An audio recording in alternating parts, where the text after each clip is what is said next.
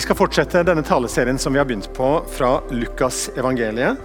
Vi har kommet fram til eh, Lukas 9, 57-62. Overskriften i min bibel er 'Jesus krever alt'. Og Taleserien ledsages jo, som dere kjenner til, av et opplegg med bokmerker eh, og en nettside. Eh, Bergenfrikirke.no slash soap. SOAP er jo da et akronym for Skriften, observasjon, anvendelse og personlig bønn. Så Jeg anbefaler dette her for din daglige bibellesning eh, i denne tiden. Eh, det er flere bokmerker, så kom og, kom og hent hvis du trenger det. Eller så er det også nettstedet en mulighet til å gå inn for både å finne spørsmål til samtale for cellegrupper, og for din egen del å kunne vite hvor langt du er kommet i lesningen.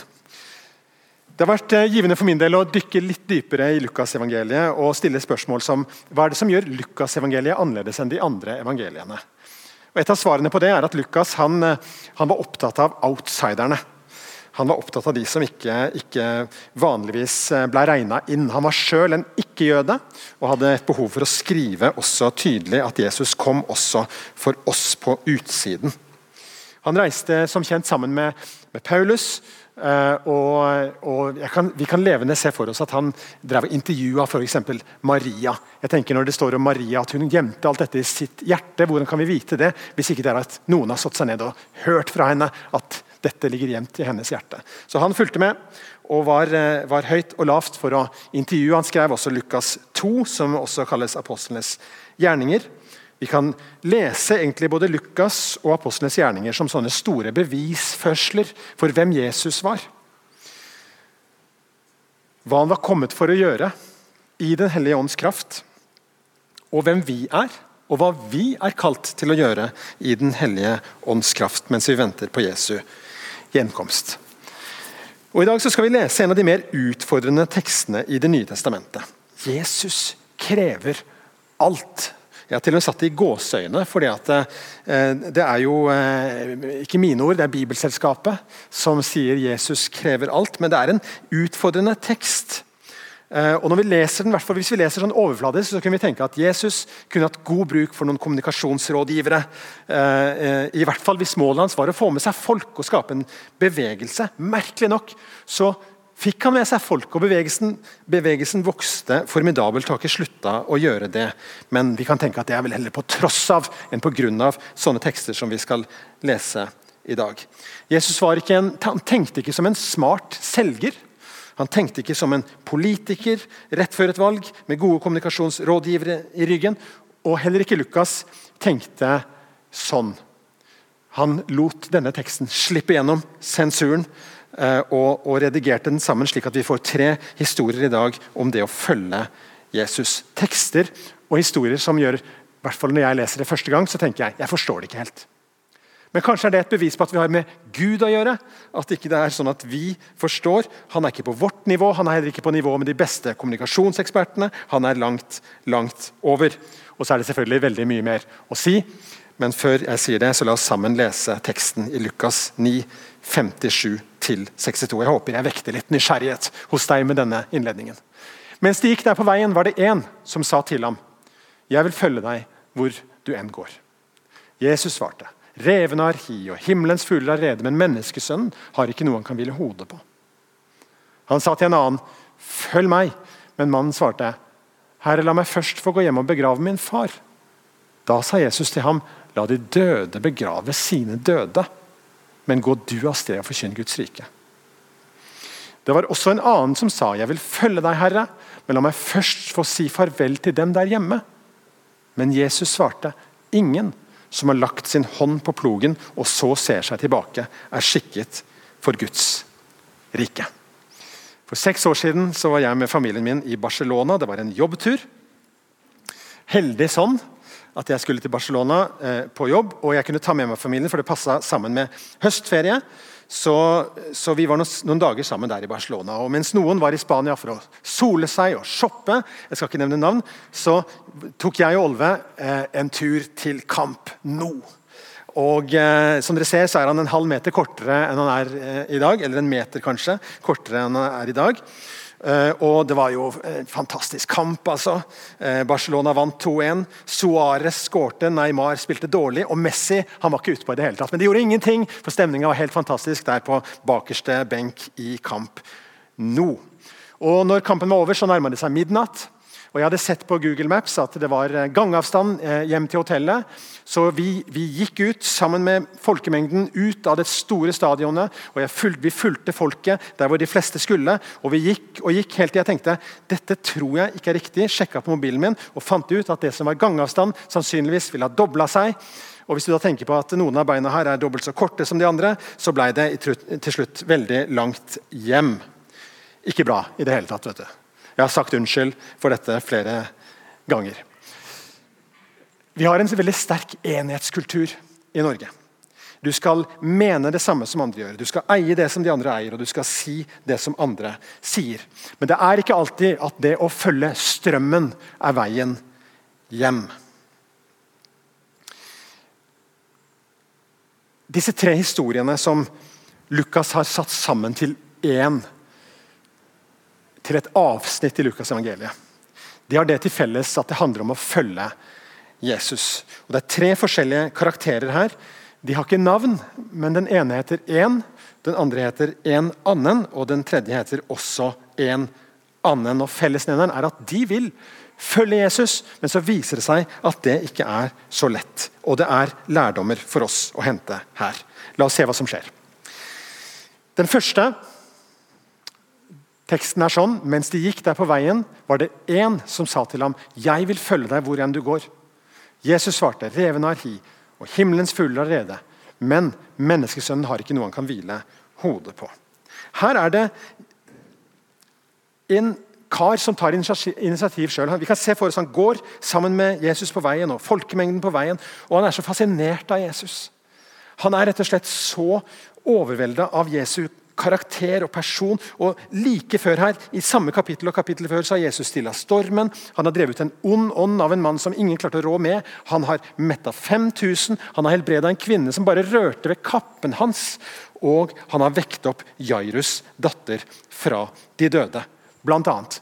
Og Det var sikkert mange medgangssupportere som sa at dette her og en sånn fyr vil jeg følge. Jeg vil følge han. Jeg, Jesus, jeg vil følge deg hvor enn du går. Hadde det vært meg som hadde fått en sånn tilhenger, så hadde jeg sagt det er notert.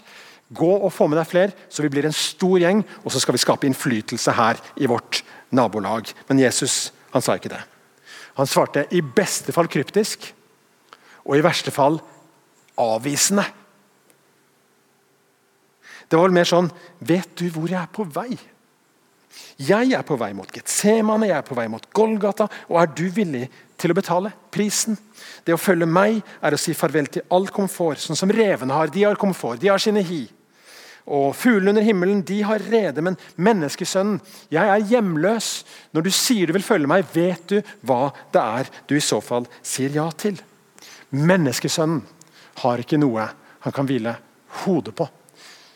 Dette var jo, Menneskesønnen var en tittel som Jesus brukte mye om seg sjøl. Det var hans favorittittel av alle titler han kalte seg sjøl. 80 ganger i Det nye testamentet, 26 ganger bare i Lukas, så kaller Jesus seg menneskesønnen. Og Det er ikke bare en, en allusjon til, det er en direkte eh, henvisning til Daniels bok kapittel 7.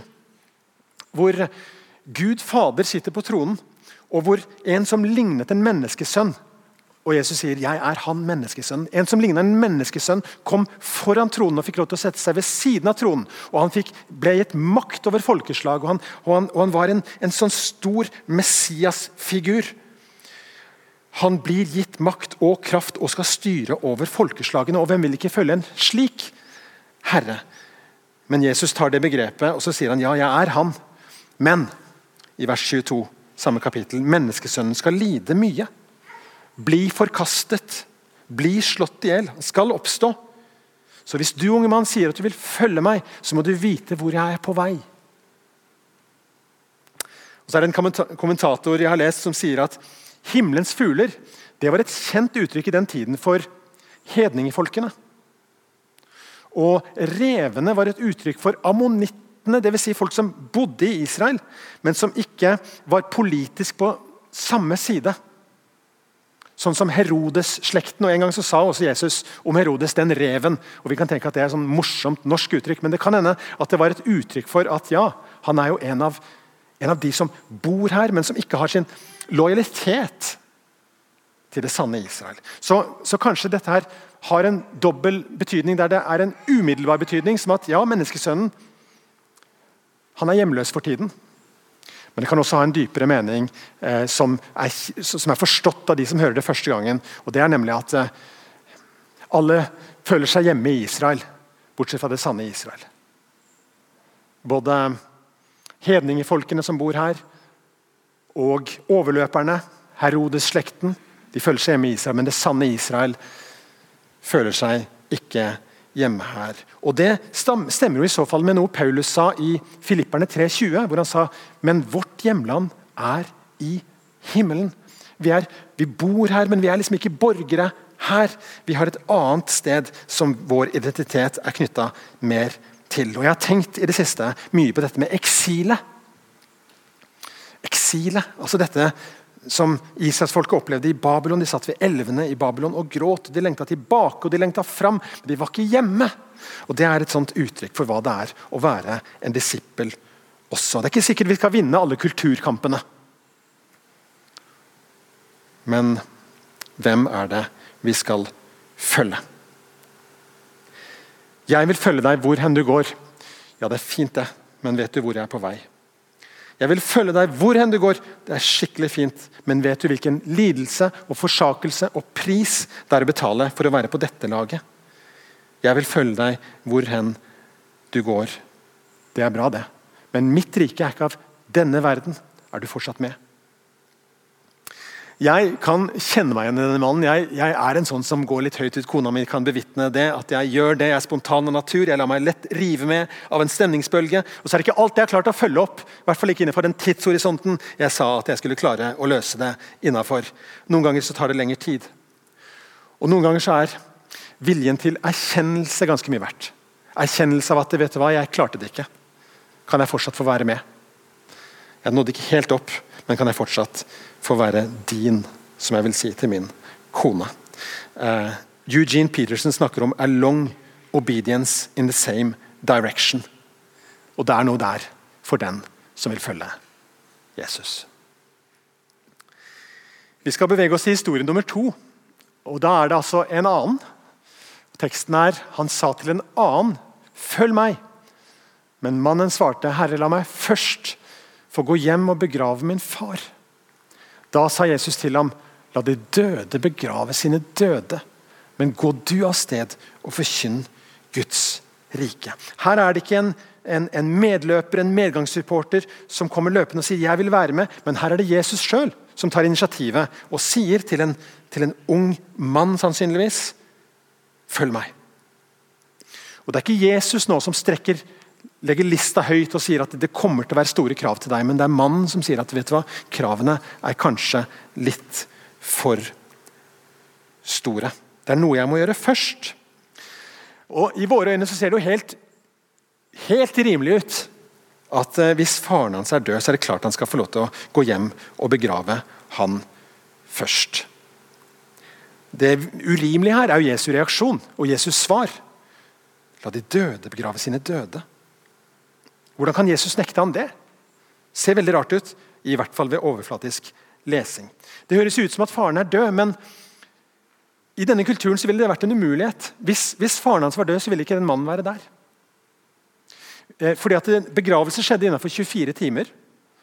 Og Det eneste stedet å være for en sønn det var med storfamilien og sørge til far er i jorda. Så han kunne ikke være der hvis faren var død.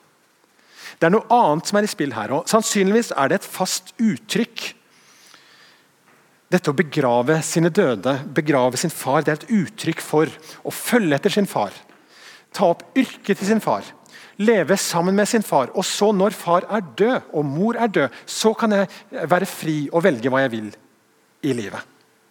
Det er nok antagelig det som er den underliggende betydningen her. og Da stiller det seg jo plutselig i et litt annet lys. Et annet sted er Jesus veldig tydelig på at når, når de skriftlærde har laga egne regler og sagt at det du egentlig skulle gitt i en gave til dine foreldre, det kan du få lov til å gi til en tempelgave, så tok Jesus oppgjør med det. og sa at det er ikke sånn. Nei, vi skal ha omsorg for våre foreldre. Vi skal ha omsorg for de aller nærmeste. Selvfølgelig skal vi det. Det er ikke, det er ikke noe annet Jesus sier her. Så dette handler mer om konformitetspress fra omgivelsene. Det å være en sønn i Midtøsten på Jesu tid, det var å ta over farens yrke. Det var å følge faren og, og være en omsorgsperson, være den nærmeste til far og mor er død. La meg først få gå hjem og begrave min far. Det er en annen og høflig måte å si nei takk på. Ikke hvis det er han at eh, Jesu død var mye nærmere i tid enn farens død. Kanskje ville det være 20 år før faren var død, og han ville aldri bli en etterfølger av Jesus. La de døde begrave sine døde. La de åndelig døde ta seg av forventningene i kulturen. Men du, gå du ut og forkynn, forkynn Guds rike.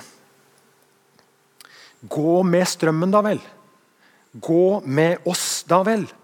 Alle andre gjør jo det. Tre milliarder Facebook-brukere kan da vel ikke ta feil? Eller kan de det? Er gleden et annet sted? Peter og Johannes, når de fikk høre 'følg meg' fra Jesus, så forlot de straks sine garn. De lot båten og yrket til faren ligge, og så blei de Jesu etterfølgere. De tok sjansen på å være lydige mot Jesu kall, og de så seg aldri tilbake. Og Det bringer oss til tredje person, som her har fått navnet også en annen. Og teksten lyder Det var også en annen som sa, 'Jeg vil følge deg, Herre', men la meg først få si farvel til dem der hjemme.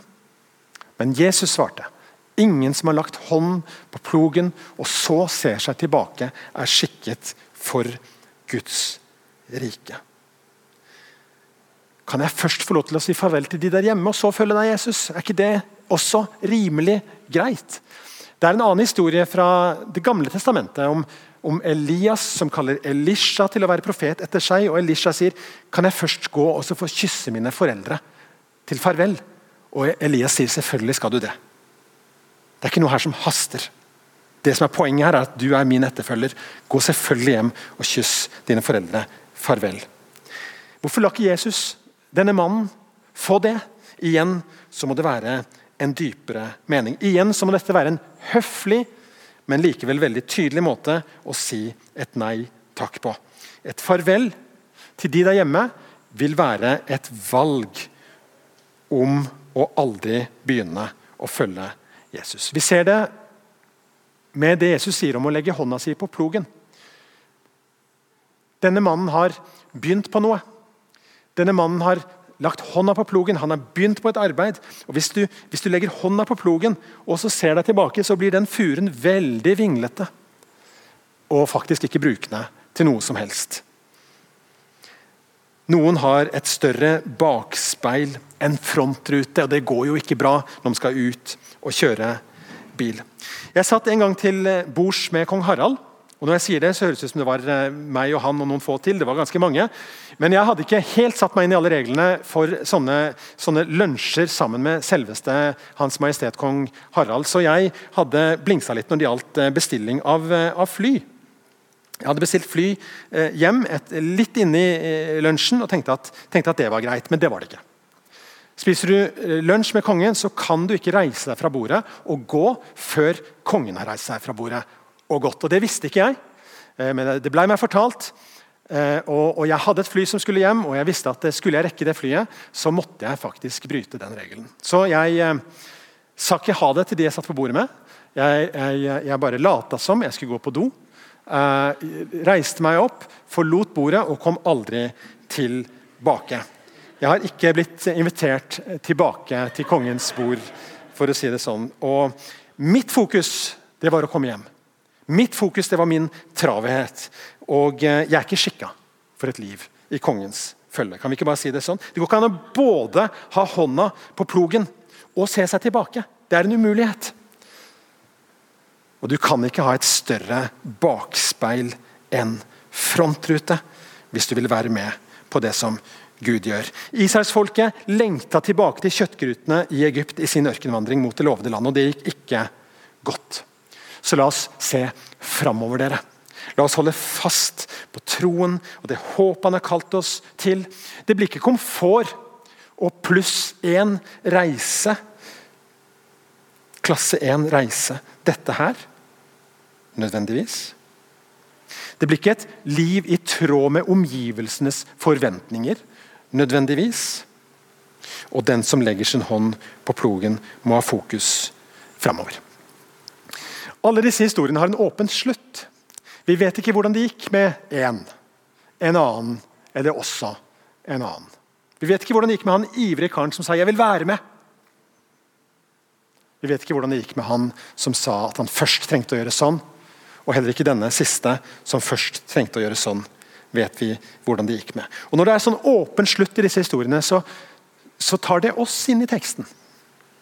Og så kommer spørsmålet til deg og til, og til, meg. Vi dras inn i fortellingen, og så forstår vi at det å følge Jesus det innebærer en pris å betale. Det innebærer at vi ikke nødvendigvis kan velge komfort og første klasse. Du og jeg møter Jesu blikk, og så sier han 'følg meg'. Det kommer til å være stemmer fra folkemeningen. Det kommer til å være forventninger fra til og med kanskje noen ganger din egen familie og ambisjoner for deg som ikke nødvendigvis er det samme som er Jesu tanke for deg. Velg Guds rike først, sier Jesus i Matteus 6, 33. Så skal du få alt dette andre i tillegg. Hva svarer du til det? Og så kan vi tenke at å følge Jesus det er et kall til den innerste sirkelen. Altså å følge Jesus det er jo for Peter og Johannes og apostlene som hadde et veldig spesielt kall. Eller, eller, eller det, er, for pastorer og misjonærer og andre med, med spesielle kall. Men nei. Litt tidligere i dette kapitlet, i vers 23, så står det Så sa han til alle, og legg merke til alle, om noen vil følge etter meg, må han fornekte seg selv og hver dag ta sitt kors opp og følge meg. For den som vil berge sitt liv, skal miste det, men den som mister sitt liv for min skyld, skal berge det. Hva gagner et menneske om det vinner hele verden, men mister seg selv og går til grunne? Dette sa han til alle. Så invitasjonen folkens, den er til deg og meg, og den er åpen. Og For å putte det på spissen Hvis valget står mellom å miste seg selv i all komforten og i alle forventningene og i all tvetydighet i fokus på den ene sida, og følge etter Jesus, kongenes konge og herrenes herre, på den andre sida, så må du ikke være i tvil om hva du vil velge. Si ja til å være med Han. Det blir en reise som er spennende og som er dyp. Og den blir kanskje annerledes enn det forventningene er fra omgivelsene. Men det er det beste livet. Alternativet er å miste seg selv. La oss be. Jesus, vi forstår deg ikke alltid i ditt ord. Du er Gud, og jeg er ikke. Men hjelp meg til å ha mot til å følge deg når du sier 'kom'. Amen.